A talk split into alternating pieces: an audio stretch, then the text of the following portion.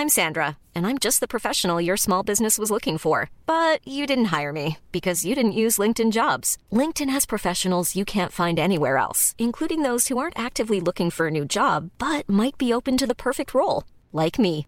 In a given month, over 70% of LinkedIn users don't visit other leading job sites. So if you're not looking on LinkedIn, you'll miss out on great candidates like Sandra. Start hiring professionals like a professional. Post your free job on linkedin.com/people today. There's never been a faster or easier way to start your weight loss journey than with PlushCare.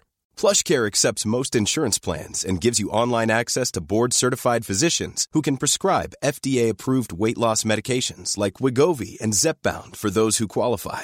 Take charge of your health and speak with a board-certified physician about a weight loss plan that's right for you. Get started today at plushcare.com slash weight loss. That's plushcare.com slash weight loss. plushcare.com slash weight loss.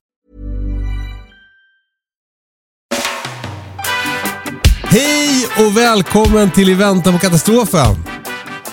Första avsnittet efter semesteruppehållet så måste vi harkla igång oss. Jag heter Kalle Zackari Wahlström och med mig har jag, antar jag, Patrik Sellman. Hej Patrik!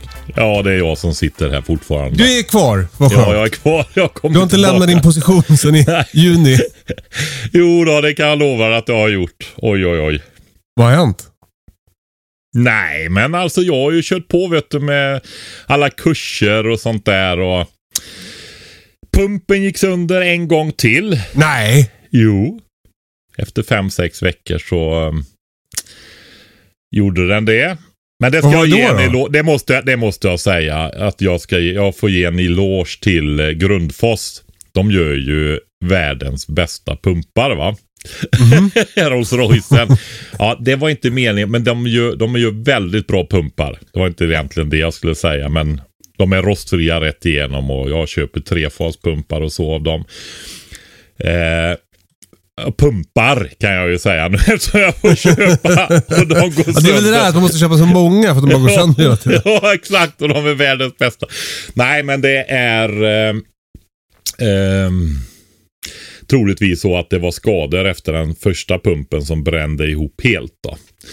Men de har varit så otroligt... Alltså inget snack med garantier. Han sa det. De har så lite garantier på de här så att det är bara om det är helt uppenbart något annat. Oskar, då gäller ju försäkringen eller det har kommit sten i för dåligt rensade br- nyborrade brunnshål och sånt där. Då. Okej. Så det var liksom aldrig något utan det var bara direkt. Inte något tjafs överhuvudtaget. Och hur mycket generös hjälp att diskutera vad det kan vara och sånt där. Får vi se. Nu sitter en sån riktig som jag hade från början eh, i. Så nu är det väldigt bra vatten igen här. Ja, vad härligt. Skönt. Sen, man- gick, sen gick frysen sönder. Nej! Jo. Han du märka det då, eller blev allt förstört? Nej, det, jag hann märka det. Så Skönt. att eh, vi eh, gjorde eh, riktig frysrensning. Mycket gick. Den andra frysen var ju full. Ja.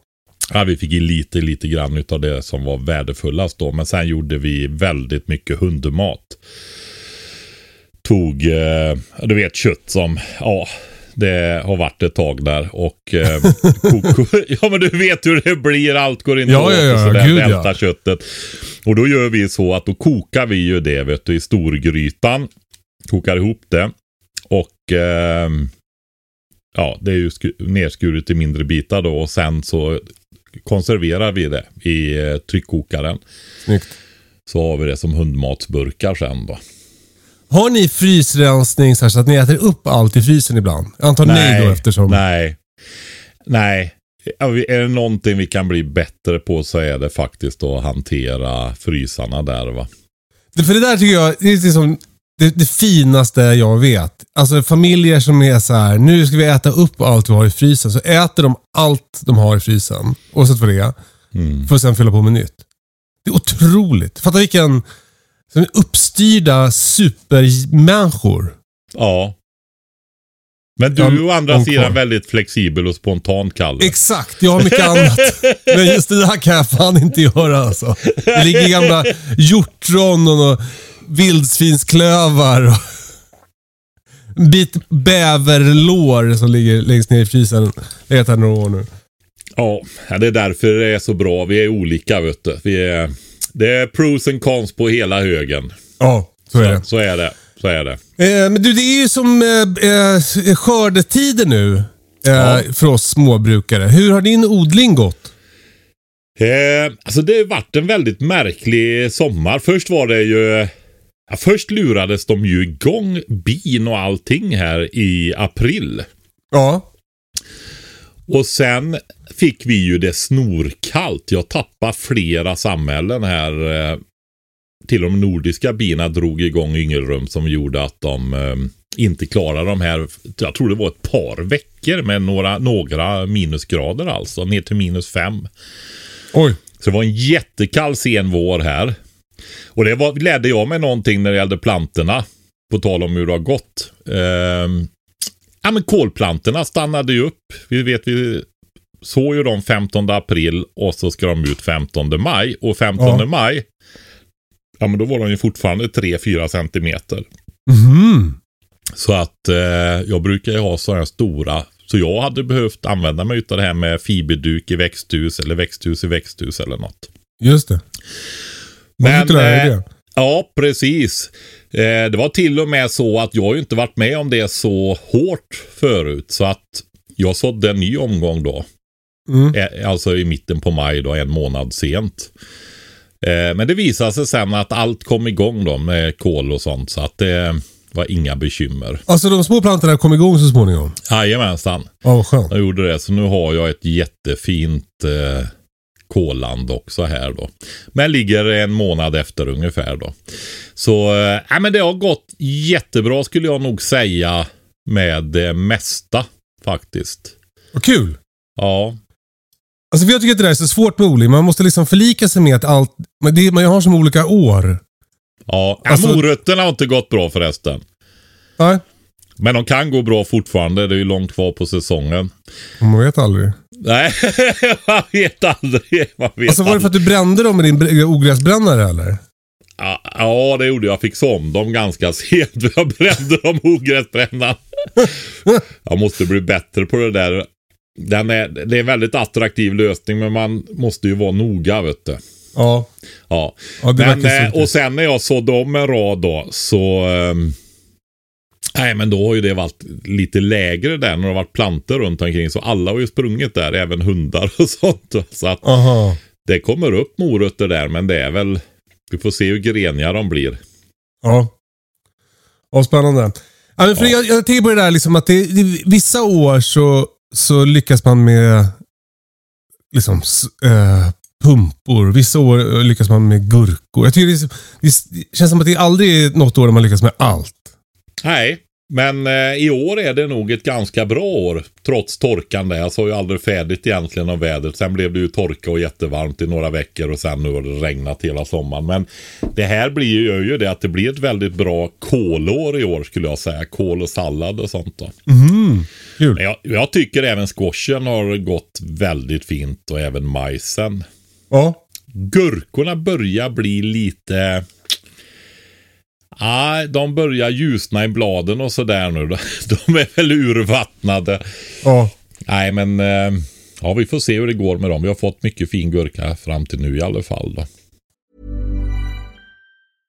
This is Paige, the co-host of Giggly Squad, and I want to tell you about a company that I've been loving, Olive and June. Olive and June gives you everything that you need for a salon quality manicure in one box. And if you break it down, it really comes out to $2 a manicure, which is absolutely insane. It's also so easy to get salon worthy nails at home with Olive and June. The difference between how your nails used to look when you did them yourself and now with the Manny system is a complete game changer. The best thing about Olive and June too is it's a quick dry, dries in about one minute, lasts for five days, and full coverage in up to one to two coats. Visit oliveandjune.com slash perfectmanny20 for 20% off your first system. That's oliveandjune.com slash perfectmanny20 for 20% off your first system.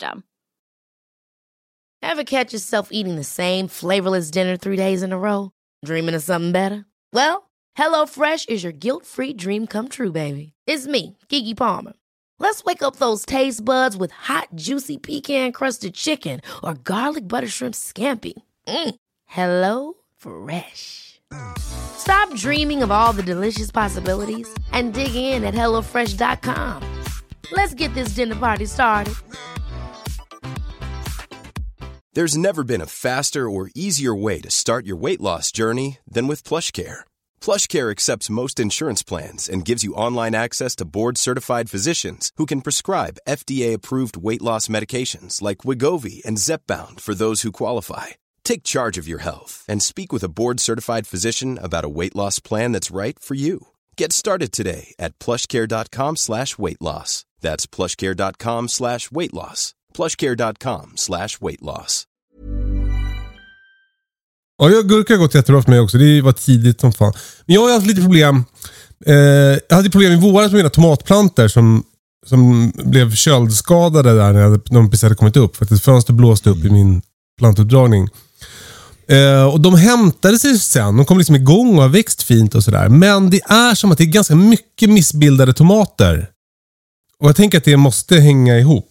Mycket sådär pistillröta och eh, eh, eh, ja, men bara att de liksom, vissa ser konstiga ut och eh, är s- konstigt små eller konstigt skeva eller ja. Så, så det, det har liksom inte riktigt... Jag får jättemycket tomater ändå såklart, för jag har ju så många planter. Men, men det är ändå tydligt sådär att, att de har i- de där, det sätter sina spår. Det är som med människor. Att det som man är med om när man är barn, det sätter spår när man blir vuxen sen. ja, precis så är det.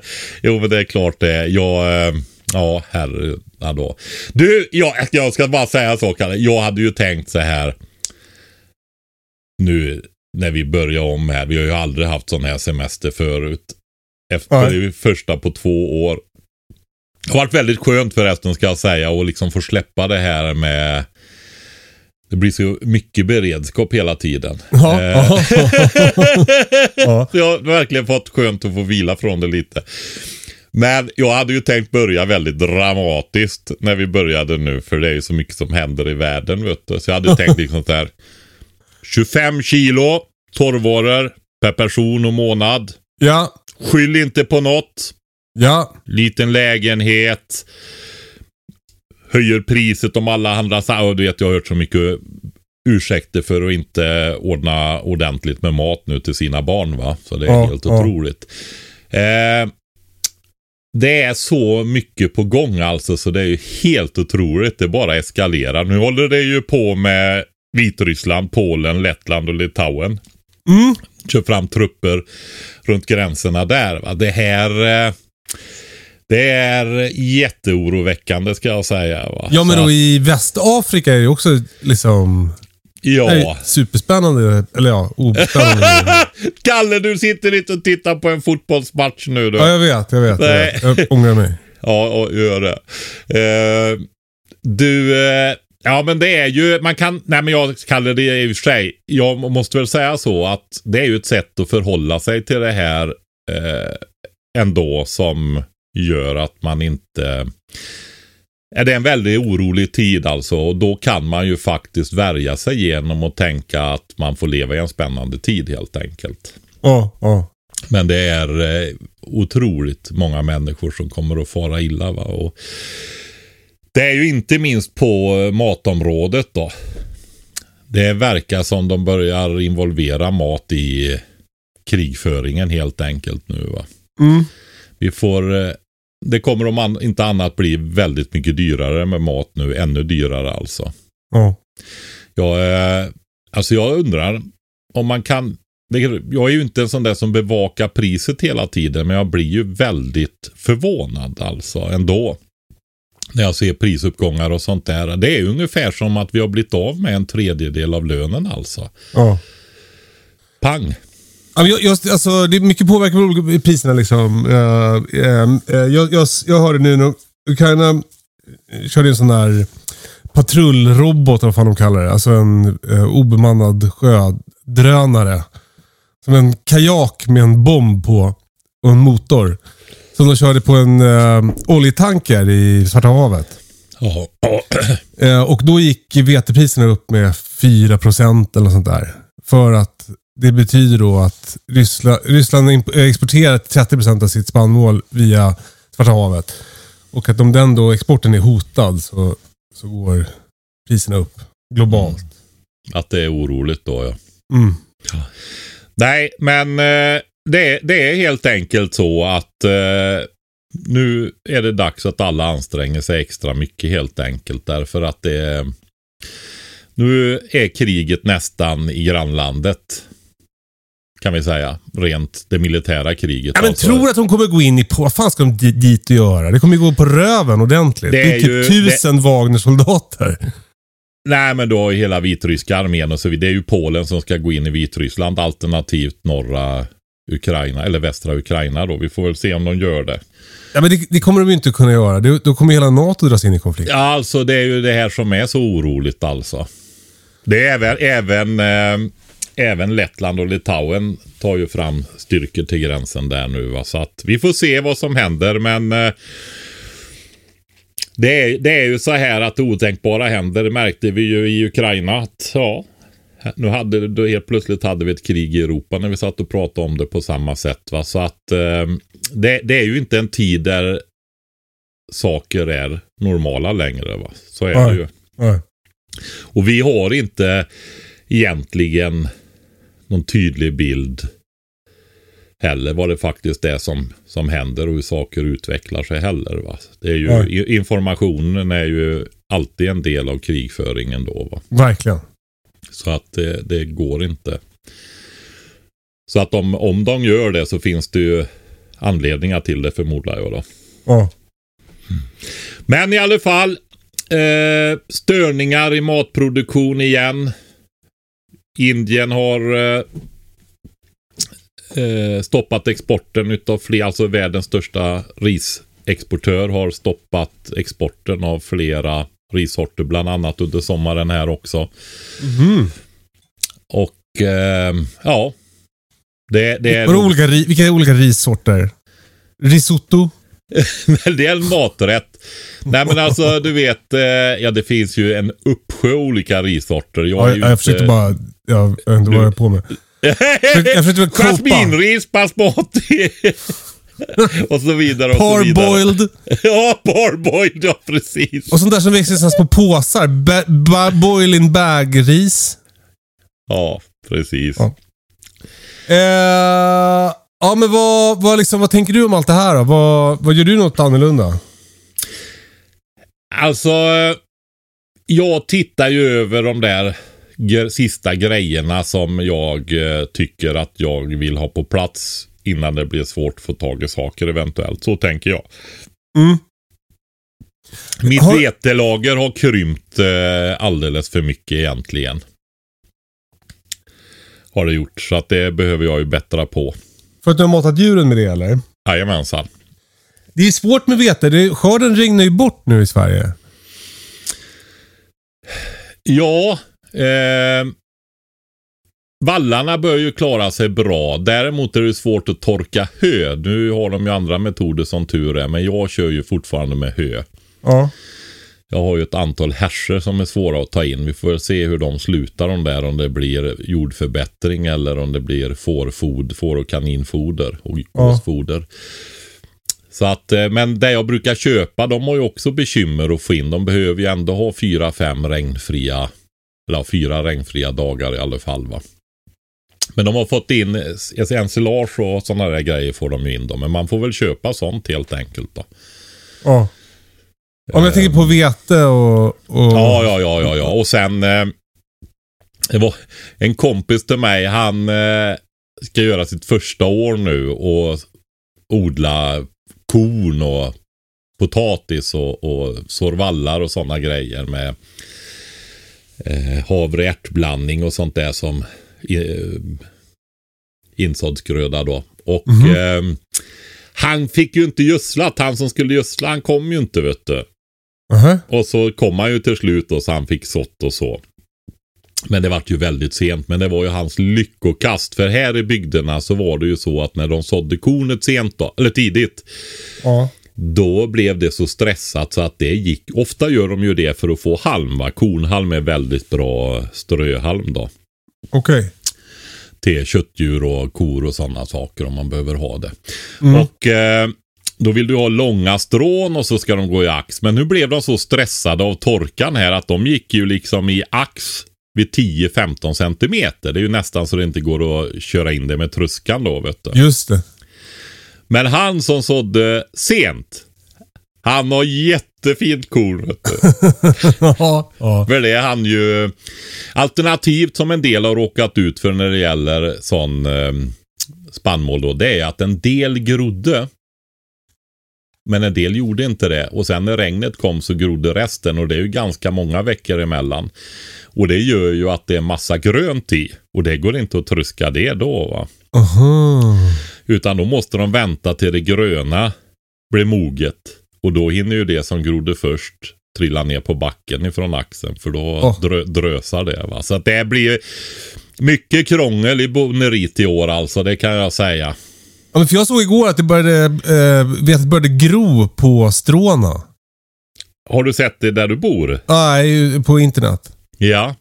Nej men så kan du ju göra. Och råg är ju en sån där man eh, kollar falltal och sådana grejer just för att eh, bakegenskaperna och sånt, bara det börjar groningsprocessen, alltså att det aktiveras i konen, gör ju att kvaliteten blir sämre. Va? Just det, ja det hörde jag också. Då blir det djurfoder bara istället. Ja, precis.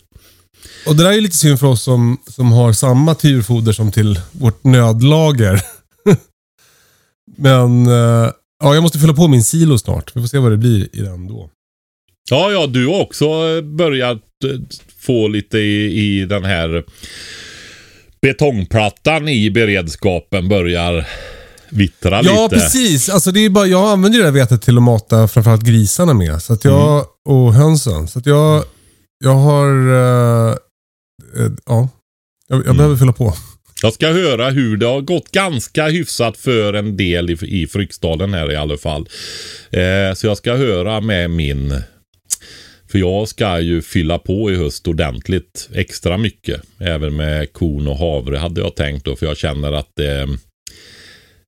Nej men alltså man, det går mycket mat till djuren när man börjar ha... Tycker inte jag har så mycket djur men jag tycker det går mycket foder i alla fall. Va? Ja, ja. Och eh, nej men vetelagret. Jag behöver inte rotera det så fort som det blir. Man tycker man har flera ton vete hemma. Och, men det ändå går åt fortare än vad det behöver gå åt. Och då tänker jag att då köper jag billigare korn och havre istället. Och eh, lägger och ger till djuren mer då. ja smart. Så att jag roterar vetet långsammare helt enkelt. För det är ju dyrare då va. Du, eh, jag vet vad som har hänt här på gården då? Jag har haft inspektion från miljö och hälsa Mhm. på kommunen. Ja. Och det var en spännande upplevelse. Det, jag visste inte att man kunde ha det. Men tydligen när man har kossor, då blir det liksom direkt som att det plingar till i någons inkorg någonstans. Ja, det här är ett ställe dit vi behöver åka och kolla. Och så, då kom det hit en kille och eh, gick runt och kollade på min djurhållning utifrån ett, då ett miljö och hälsa-perspektiv.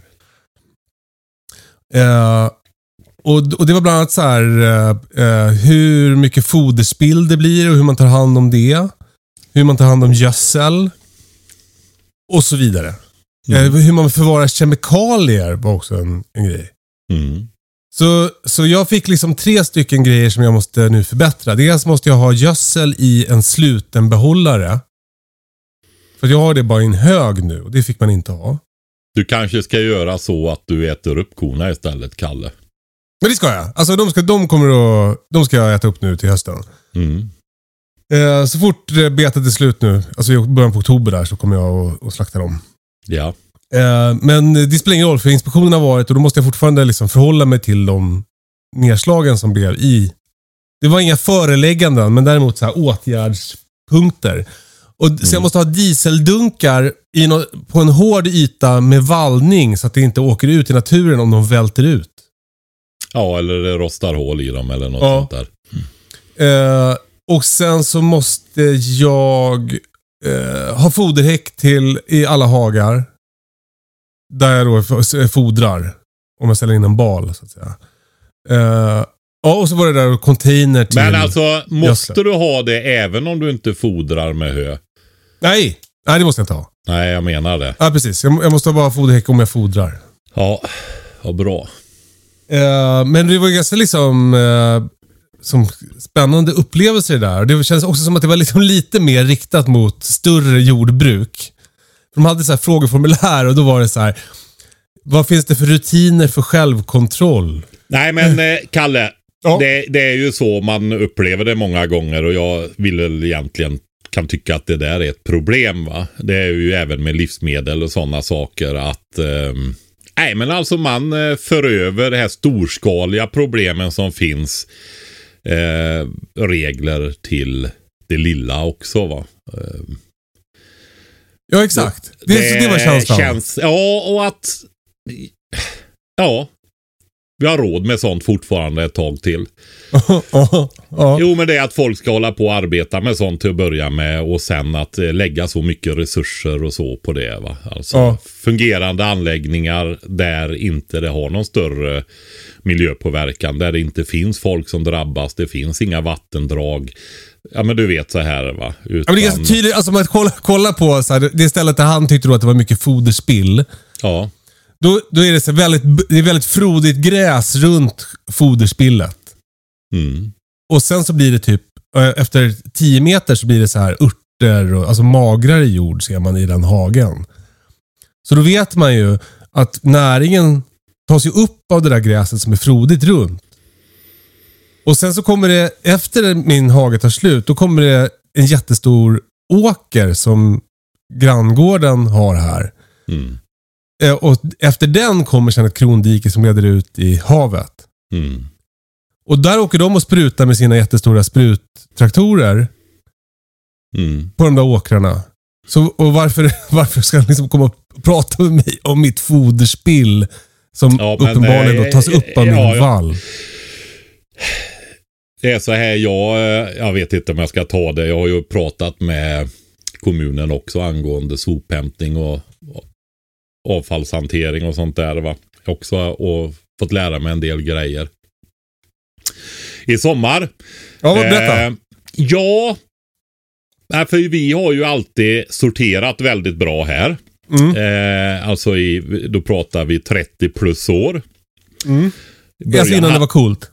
Ja, ja, ja, precis. Ja. Ehm, och det beror ju på att det har varit möjlighet till det och att vi hade ingen sophämtning i början. Men sen har det tydligen blivit lag att det måste köra en sopbil. Ja. Och då måste ju någon betala för det. Ja. Och då får, måste alla ha sophämtning. Ja. Ehm, för vi åkte ju med, sorterade och åkte med soporna till eh, ställen då där det var, gick att sortera dem. Va? Det var ju mest plast och plåt och tidningspapper och sånt i början då. Just det. Och eh, nu har de ju då infört att vi, vi har haft en hämtning på våren och en på hösten och vi brukar städa ur bilen där så gubbarna ska ha något att tumma då. Ja. Ja, och eh, nu hade de ändrat de ju på detta så man kunde vara tvungen att ha minst fyra hämtningar då. Fast egentligen fanns inte det alternativet med utan det var en väldig massa hämtningar. Men om man hörde av sig där så kom det ju fram att man kunde få ha fyra i alla fall då. Ja. Men då började det diskuteras där liksom, för jag sa vi har ju inte. Ja, men alltså du har ju restavfall. Det är ett begrepp då tydligen. Restavfall då. Ja. Eh, ja, men alltså, ja, men din hustru har väl en liten eh, tunna inne i badrummet. Ja, men hon är över 60 sa jag då. Eh, jo, men du har ju sådana här grejer som tops och sånt. Jo, men det lägger jag i ved. Upp, upp, upp! Det får du absolut inte lägga tops i vedspisen. Nej, det får man inte. Och inte plåster heller. Va? Nej, nej, det får du inte Kalle. Du är miljökriminell brottsling då. Så är det va. Och så berättar jag det med kompost och sådär och att vi lär ut om kompostering och sånt där till och med här va. Och eh, på våra kurser och sånt där. Ja. Ja, och sen har vi ju djur, smådjur och sånt sa jag som vi ger Tops. grönsaker. Nej, grönsaker och sånt där. Men nu ska du få lära dig Kalle. Ja. Det här är väldigt viktigt. Har salladsbladen legat på diskbänken, Ja. då är det i det närmaste miljöfarligt avfall. va? Så det måste gå till din slutna hushållskompost. Va? Så är det. Varför då? Nej, kontamineringsrisker du vet. Det är ju det här jag sa med storhushållsregler och sånt där. Det kan ju ha varit en köttbit där vet du, eller något på samma ställe. Eller ja, du vet, så här, komma i kontakt med Det är varandra. det dummaste jag hört. Och då är det så att om salladsbladet kommer direkt ifrån trädgårdslandet, då kan du ge det till djuren. Ja. Eller om det har legat på sängen i sovrummet, då går det bra. Jaha. Eller vardagsrumsbordet om det inte är med massa annan mat då förstås. Men Ja. om liksom lagt salladsbladet på vardagsrumsbordet till exempel, då kan du ge det till djuren. Men har Mhm. du varit inne i köket på diskbänkar och sånt, då får du inte göra det. Då måste det gå till den slutna vadå får komposten. inte ge till djuren? Därför att du bryter mot lagarna då, Kalle. Men det är ju så här. Men till är ju- hönsen får man väl ge dem? Nej, får du absolut inte. Du, nu, nu säger du snart för mycket vet du. Nu kommer de snart, Kalle. Men vadå får man inte ge matrester till hönsen? Va? Och till grisarna? Eh, gör så att du eh, kollar på lagstiftningen där så Alltså jag gör ju självklart inte det. Jag skulle aldrig ge matrester till mina höns eller grisar. Men ah, jag trodde att man fick det om man hade velat. Men det får, det får man inte alltså. Alltså jag, jag har inte kollat det nyligen så jag är... Fan vad härligt med två gubbar som sitter och gnäller på sopsorteringslagar. Öppningsavsnittet efter. kan vi få, kan vi få något, kan du berätta vad du tycker om byråkrati Patrik? Nej, det gör vi inte. Vi tar inte det. Vi har ju sagt lite grann just det här att eh, det är väl, om det är ju samma med eh, kommuner som tar ut hutlösa avgifter och så vidare för att folk vill ha höns, fyra stycken och så vidare. va. Alltså det är ju ett sätt för eh, kommuner och sånt att hålla sig med, med inkomster helt enkelt. va. Ja. Ehm, faktiskt. Och eh, jag tror att det där kommer att öka också efterhand som kommunerna får kärvare ekonomi nu då. Så är det. Men det är, det är bara så att det är ett problem helt enkelt. Ehm, man vill ju inte ha tillbaka det här eh, när folk häller ut soporna genom fönstret i rännstenen igen va. Men eh, det är ju det där med pendeln. Den slår ju åt olika håll och nu har vi haft råd att ha mycket byråkrater som sitter och tar fram regler. En mass i jättestor omfattning. Och eh, en del, de, dessutom eh, folk som ska ha, få uppfylla detta då. Va? Men det Ja. är ju, är ju så. Det är ju samma med fåren här. Jag har tre tacker som jag flyttar till eh, ett bete där jag samarbetar med en granne som går på en, ett gammalt, eh, vad ska vi säga, det är sånt som är utmärkt för att det är speciell flora och så vidare. Då var en kulturäng Jaha. där det har betats mycket då. En, en speciell flora så vi tänkte att vi ska försöka sköta den där då. Mm. Men då är det ju så att jag måste ju helt enkelt registrera, göra djurplats utav det där. Eh, jag måste lämna in att jag flyttar djuren dit och så vidare. När jag flyttar tillbaka dem. Myndigheterna ska ha koll exakt på var mina tre tacker är någonstans. Eh, hade det varit en tacka så hade det varit det också, men man får inte ha bara en tacka då. Va? Nej. Det, ska, ju- det ska ju bli fler. Men, men så är det. Alltså, och det är väl det här med de galna korna, höll jag på så här, galna kosjukan som var, var det på 90-talet det eller? Så är den eh, kvar, de reglerna där va. Det är ju så, men det finns i alla fall vissa undantag och det är ju när du ska ha sådana här bygglovsprocesser och så vidare för enstaka smådjur då va. Jag Ja. tror det är en djurenhet får du ha då. Det är, mot, är lite olika vad det motsvarar när det gäller olika djurslag. Ja, det, var, det var upplyftande tycker jag. Det var typ 10 får i en djurenhet. 20 till och med. Men, men däremot så var en ko var en djurenhet. Ja, det är det som gör att du fick eh, Mm. påhälsning där då. Ja. Så är det. Ja, jag tycker att vi lämnar byråkratin där. Vi skulle väl vara lite spännande och rolig uppstart där istället. Verkligen. Ska vi prata ogräs eller? Vi kan ta ogräs, eh, Kalle, för det Mm. är ett spännande område faktiskt. Äh, För för jag var bortväxt, bortväxt. Jag var bortrest två veckor i somras. Mm. Vi bilade genom Europa och eh, hade husvakt. Eh, och det kommunicerades inte supernoga till den här husvakten att eh, eh, de skulle rensa ogräs. Jag sa det, men jag sa kanske inte så liksom, exakt hur det gick till när man rensade ogräs. Så när jag kom hem så var det så mycket ogräs. Jag rensade alltså en och en halv kubik ogräs ur mitt trädgårdsland. En och en halv kubikmeter ogräs. Ja, ja. Det var, helt var otroligt. det f- ettåriga fröogräs eller rotogräs eller vad? Ja, det var, det var allt möjligt. Men eh, väldigt mycket svinmålla. Ja. Eh, väldigt mycket tistlar. Tistlar också alltså? Ja. Ja, Mm, Okej. Väldigt mycket tistlar. de behöver Eh. man ju hålla efter alltså för att det är ju ett eh, ja, rotogräs helt enkelt va. Ja. ja känslan var att eh, eh, det, var, det var ett riktigt ogräsår. Jag, jag, jag fräste i mitt land i våras. Mm. Jag tror att du sa åt mig att jag inte skulle göra det, men jag gjorde det ändå. Och det var ju en katastrof ogräsmässigt. Alltså det är ju det att när du det finns olika strategier när det gäller ogräs och hur man förhåller sig till det. Faktiskt. Det, det ena det är ju liksom det här att du har de här upphöjda bäddarna eller pallkragarna och så vidare och så jagar du ogräset. Mm. Alltså, de får inte föröka sig, blomma, fröa och så vidare utan du vill ha helt ogräsfritt och så lägger du ner extra mycket arbete i ett par år där va. Så får Mm. du väldigt lite ogräs sen. Om du håller rent i närområdet runt omkring också med till exempel klippt gräsmatta eller i alla fall slagen. Om Just du slår med lie då. Och eh, då, får, då ska du ju inte röra om i jorden därför att ogräsfröet ligger ju länge i jorden. Och eh, är det då så att det ligger på djupet då gror det ju inte. Men kommer du, om du kör med fräs eller plog eller någonting eller gräver med spade och spadvänder och så. Då vänder du ju upp det här ogräset och då har du hela ytan full igen. Då får du ta två nya år liksom och hinna ikapp det här va. Mm.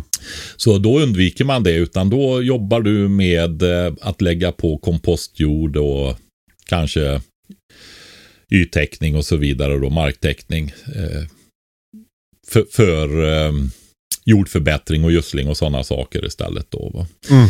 Jag har ju gjort sådana saker tidigare då. Jag har dock aldrig hunnit ikapp ordentligt med ogräset tycker jag. Men eh, nu när jag har större odling och så, då alltså Nej, jag upplever ju inte ogräset som ett så jättestort problem. Men det beror ju också på att jag har inte fleråriga ogräs, rotogräs och sådär. Utan jag har bara ettåriga ogräs kvar egentligen. va. Mhm. Skönt. Och eh, ja, det är det. Och eh, Är det tio, alltså du har hållit på länge bara som gör det? Eller? På samma ställe? Ja, och hålla efter det och jaga. Jag har ju haft kvickrot och eh, revsmörblomma och sånt där historiskt då. Men jag har liksom kommit åt det då. Ja. Och det ettåriga ogräset det stör det ju väldigt lätt. Speciellt om man har en sån eh, att det är lite nederbörd på våren, försommaren då. Mm. Just när du hackar, går upp med bra hackor och så vidare så stör du ut där och då hinner dina plantor få fart. Bli stora. Och eh, ja, sen beroende på hur sommaren utvecklar sig. Nu har den blivit väldigt blöt. Det är ju nästan hopplöst att rensa ogräs nu därför att allt rotar om sig och så vidare. Så det är ju, det är ju ingen större idé att gå ut med hackan utan man får ju göra som du gjorde. Så här får man ju rycka om man vill göra det. va. Ja. Men nu när vi träffades sist här, småbrukarna, då hade jag gjort en ehm, undergröda då, alltså en ehm, i kolen där det har blivit hyfsat stora plantor så sådde jag subklöver. Jag hade Jaha. gjort det relativt ogräsfritt då, så sådde jag subklöver som är en lågväxande klöver. Och den har ju en viss kvävefixerande förmåga och så vidare också. Mhm. Och eh, jag hade ju berättat att jag skulle göra det för i våras när vi gjorde, eller ja, i april när vi hade trätillverkningsdagarna här då, då eh, Ja men så tittade vi på landen och då var de väldigt bara. Alltså det organiska materialet som hade funnits och så vidare och det ser inte roligt ut och det är inte jättebra heller va utan det är ju det är sårat eh, marken alltså. Så det ligger bar så. Ja. Så att man vill ju ha material på den. Och då kan man ju täcka över med hö, ensilage och så vidare, halm. Eh, Inte halm va? Jo, det kan du göra om du har bra fart i jorden. Du tänker att den tar, går åt kväve för att bryta ner den. Ja, det är det man har hört, att det är dåligt. Ja, ja jo, men det, det är det. Men har du bra fart i jorden så hinner det med det också. Om, du, om, du, om det är det du har. Men, eh, eller också så kan man ju lägga över duk också, som en del gör då. Ja. Har, jag, har jag också tillämpat. Det här med ogräs. Att du lägger på den på hösten så får du väldigt lite ogräs under. Ja. Och så skyddar du ju mot det här slagregn och sådana saker också samtidigt som det släpper igenom luft och vatten då. ja. Men eh, då sa jag så här till dem att nu har jag ju lagt ner arbete här och så vidare och jag har köpt fröer och jag har sått och så vidare. Om jag nu hade låtit våtarven, det vet du vad det är va? Mm. Det, det är ju den här marktäckaren som lagar såren liksom. Det är ju det som att täcka över ytan då och skydda den va. Det är ju de som kommer i alla grönsaksland. Eh, De har ju väldigt små rötter. Om Den har jag mycket i, min, i mitt land. Ja, men det har man nog i alla. När du får upp humushalten och så vidare där lite grann och en viss bördighet. Det är ju, det är ju ett tecken på bördighet också. Va? Eh, men om du har det här under kolen som har bladen över Mm. som markskydd. Kommer av sig själv. Små rotsystem. Kolen har stora rotsystem ner i backen. Och den skyddar marken. Den fixerar Mm. i och för sig inte kväve. Det fick du med subklöven. Men vad är det annars för skillnad då? Mm. Förstår du vad jag menar? Alltså inte gå mot ogräset utan gå med ogräset. Nej, du använder dig av det till och med i den situationen. va. Ja. Du får ju mer eh, ogräsfrö i backen och så vidare. Men som jag sa där så är det ju ett väldigt lättrensat, lättstört ogräs på våren. Om det inte regnar hela våren och försommaren för då är det ju då är det tuffare alltså. Jag kan känna i händerna hur det känns när man rensar våtarv. Ja, exakt! det kan är väldigt här, det är tacksamt. Ja, man vill ju gärna få med eh, roten och, och eh, skälk. Alltså rotfästet där. Det är, alltså jag vill säga en grej om ogräs som är så här. Så jävla farligt det är inte att handjaga. Du menar kryprensa? Ja, Nej, det är det inte. Det tar, går relativt fort när man gör det. Och du alltså har det några... tog liksom en dag för mig. Men, men... eh, Och, och det kan man ju säga är mycket, men det är inte så jävla... Alltså om man tänker på en hel sommar. Nej. Och du eh, rensade upp så du kommer ikapp och får väldigt mycket grönsaker där i så fall. Va? Men jag tycker ju mer, ja, när jag tänker på handrensa så är det ju mer när jag kryper. Löken handrensar vi alltid en gång då. Och eh, för den är ju känslig för ogräs. Den har ju relativt ytliga rötter och sådär också då. Så att Ja. ehm, den kryprensar vi då. Och då, då är ju det, om man tar en rad någon gång då och då, 10 meters rad. Så, ehm, nej men det tar ju inte, i, tar det en, vad kan det ta? Tar det 10 minuter? Ja, ja men exakt. Det är det jag menar. Det är så mycket mer, alltså, det- det här är också det luriga med att hålla på så här som vi Det gör. tar inte 10 minuter en gång, skulle jag säga. Nej, men att det, det, alltså ingenting är ju så stor arbetsinsats. Nej. Men det är väl att man har alla de här grejerna som gör att man får mycket. Ja, Ja, men eh, nu känns det i alla fall ganska bra i landet. Det, jag har, eh, eh, kolen har gått åt helvete. Jag ska aldrig mer odla kål så här. vad är det som har hänt då? Nej, men det är kolmal. Har du haft duk över eller? Ja, ja, jag hade det först. Men sen blir kolen så stor så trycker den upp duken. Då kommer det in larver under, så jag får dem som ett mikrokosmos där inne. Där de bara äter och förökar sig. Mm. Ja, Men men det, jag- det blir en kuvös för dem va? Vi Ja, men- men provat nästa år så kommer jag- 15 år sedan.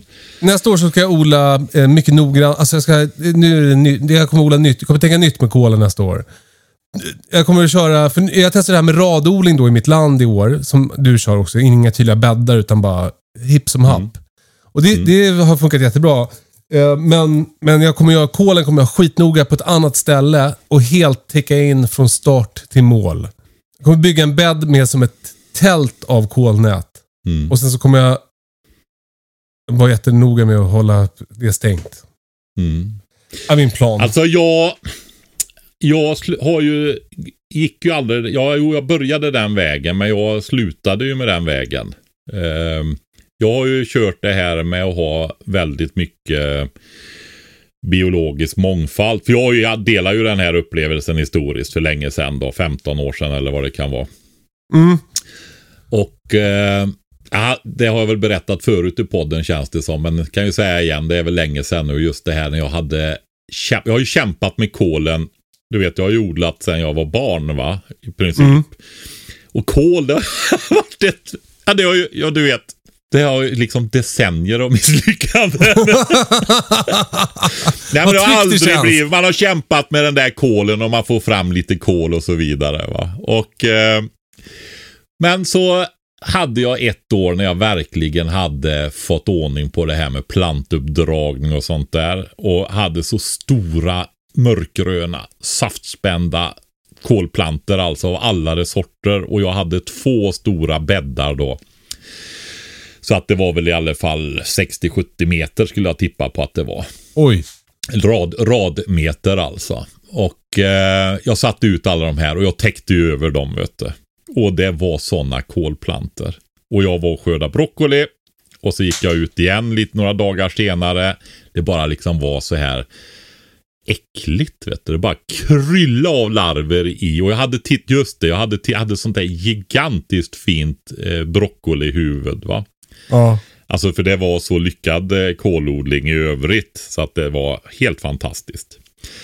Bara, du vet det, bara rör på sig Uh. liksom. Som fluglarver nästan i, i den där. Och jag var ju besviken i någon sekund där då. Och sen eh, slet jag av det här och tänkte jag fräser ner alltihopa. Det här är ingen idé. Och så får jag så sena morötter, alltså morötter då. Man sår tidiga morötter sent så att de hinner färdiga. Det går att göra det, ja, i, i alla fall andra halvan på juni. Och, eh, men det blev ju inte av. Och sen när jag gick dit så fanns det inte en kollarv där. Och jag fick Nähä. fin kål det året. Va? Till och med blomkålen som hade nästan bara bladnerverna kvar växte upp och blev ett jättefint stort huvud. När jag inte skyddade kålarverna med fiberduken så eh, kom predatorerna åt dem. Helt enkelt. Var det hönorna då eller vilda fåglar? Nej, det är, det är naturen. Ja. Och eh, nu, alltså det här låter, jag vet ju hur folk kämpar och jag har ju förmedlat hur jag har kämpat också då. Men jag har ju byggt upp det här med biologisk mångfald och jagar inte naturen i mina odlingar lika hårt längre. Alltså tittar man i hallon eller perenner som förvildar sig och växer där de inte ska. Det blir också ogräs egentligen va. Ja. Eh, så jag har ju en hel del växter som insekterna älskar runt om i trädgården och de dyker upp lite här och var och där de vill växa där låter jag dem oftast växa då, om det inte är mitt i radodling till exempel. Va? Men Ja. i hallonrader och rabatterna blir ju mer förvildade efterhand där saker växer som vill växa där. Va? Ja. Och, ja men så, och så har jag kantzoner och sådana saker. Så, eh, ja, nu när jag tittar på kolfjärilarna så brukar jag tänka så här, ja men vad bra så predatorerna får lite mat. Alla blir förbannade nu Patrik. Ja, det var lite provocerande. Otroligt provocerande. Ja, men eh, det är faktiskt så. Jag blir inte liksom uppjagad när jag, för det kommer ju kolfjärilar och det kan vara någon som är viten. Och jag hade majrover i växthuset tidiga, som tidig odling i år.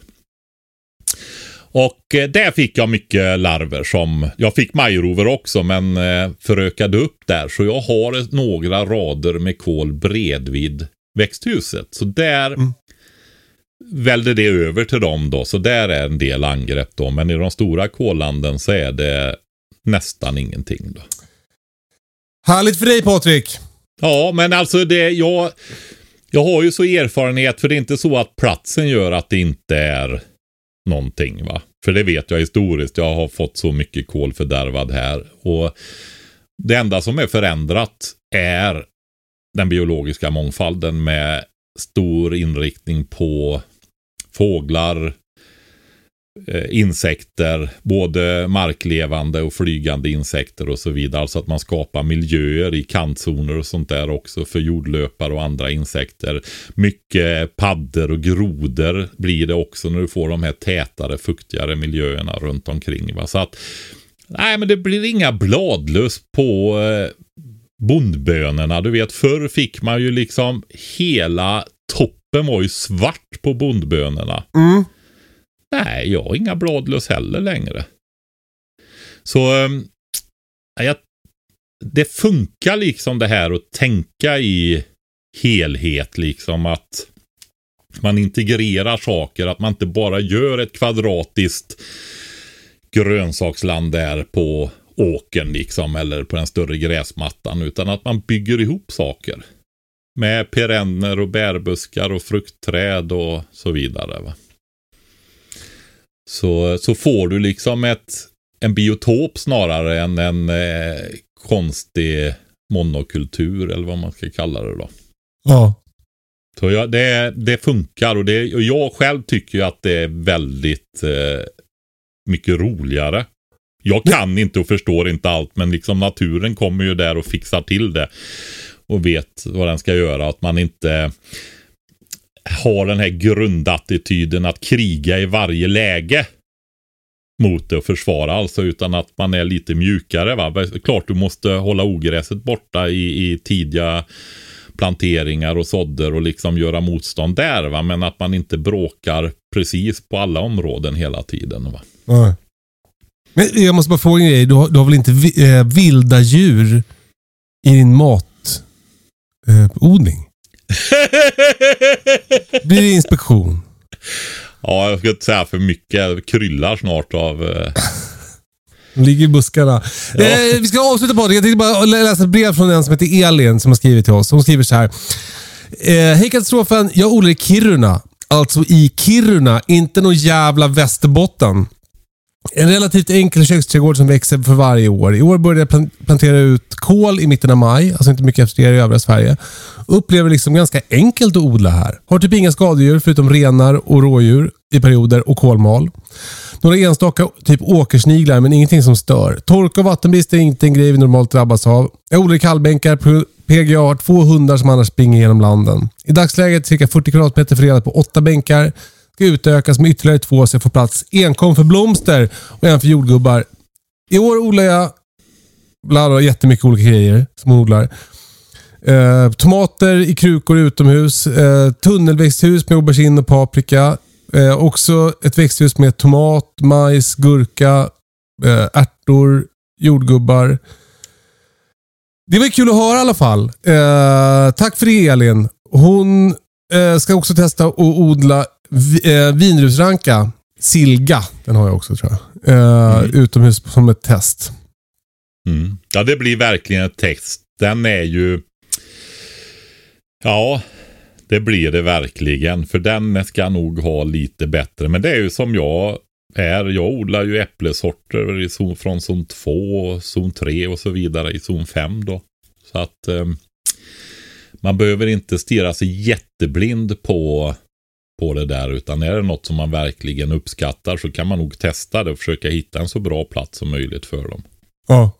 Så är det. Och det är inte så att de, eh, när det gäller frukter och sånt där så är det ju oftast eh, sen frost och sånt som eh, ställer till det om det är för tidig blomning då. Så, det är det man får jobba med. Men, men, det har vi pratat om i andra avsnitt med. Det blir... Men du, jag måste när vi pratar biologisk mångfald och sånt också säga, jag har verkligen eh, jag har ju mycket fågelholkar och sånt där också. För de äter ju också bladlöss och sånt. Ja. Småfåglarna.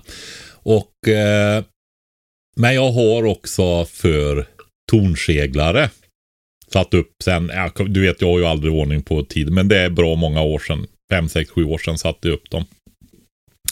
Och de är ju här varje år. Och jag älskar ju de där fåglarna när de kommer här liksom och skriker och flyger. Det är ju bland de, ja, det är ju de skickligaste fåglarna som finns alltså. Det är ingen tävling.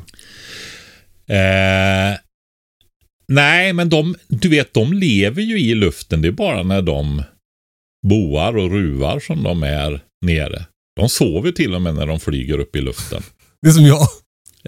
De, de sover med ena hjärnhalvan åt gången. Som, som en haj som måste simma för att överleva. Det är som, så jag också. Jag blir ständig rörelse. Ja, exakt. Nej, men de gör det. Men du vet, det har aldrig varit någon. Jag har ju enkupigt tegel på hustaket. Jag har verkligen velat att de ska komma hit och bo här. Ja. Eh, men de flyger Alltså hit man har det för att de ska bo under det, eller vadå? Ja, det blir ju sådana här stora. Så de, det är en sånt ställe de brukar bo på. Men jag undrar om jag har för brant takvinkel eller något sånt där. Jag har ju 36 grader för att det ska Oj. vara bra avrinning. Eh, ja, det är ju sådär gränsfall. Ökar du ännu mer så börjar det se konstigt ut. Va? Det där är väl precis på gränsen. Eh, men så har jag satt upp två holkar också. Och nu bosatte den sig i den ena av dem där. va. Yes. då, med ungar. Nej, nej, nej, nej. Tornseglare. Ja, alltså ja. Kul! Ja, Ja. Nej, det var väldigt roligt faktiskt. Ja, grattis. Ja, Eh, då så. Vi, Nu. Då, då är vi klara. Jag måste gå och filma. Du, eh, eh, tack för idag Patrik. Och kul att vara tillbaka. Tack för att ni lyssnar allihopa. Det känns jättehärligt. Och, och tack för alla meddelanden under sommaren. Att ni saknar oss och att eh, ni tycker att vi ska sluta vara lediga. Eh, det har stressat oss eh, och förstört vår ledighet. Eh, Nej, det har det jag inte alls det. Jag har inget mer. Maila frågor hej at katastrofen.se så får ni ha det så bra så länge. Puss och kram. Hej då! Hej då.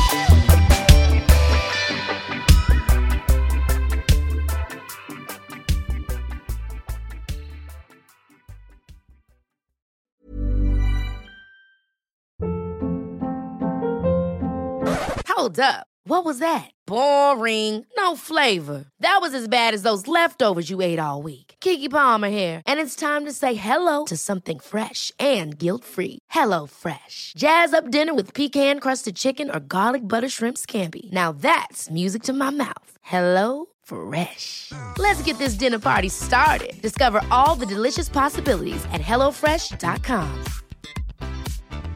Planning for your next trip? Elevate your travel style with Quince. Quince has all the jet setting essentials you'll want for your next getaway, like European linen, premium luggage options, buttery soft Italian leather bags, and so much more. And is all priced at 50 to 80% less than similar brands. Plus, Quince only works with factories that use safe and ethical manufacturing practices. Pack your bags with high-quality essentials you'll be wearing for vacations to come with Quince. Go to quince.com slash pack for free shipping and 365-day returns.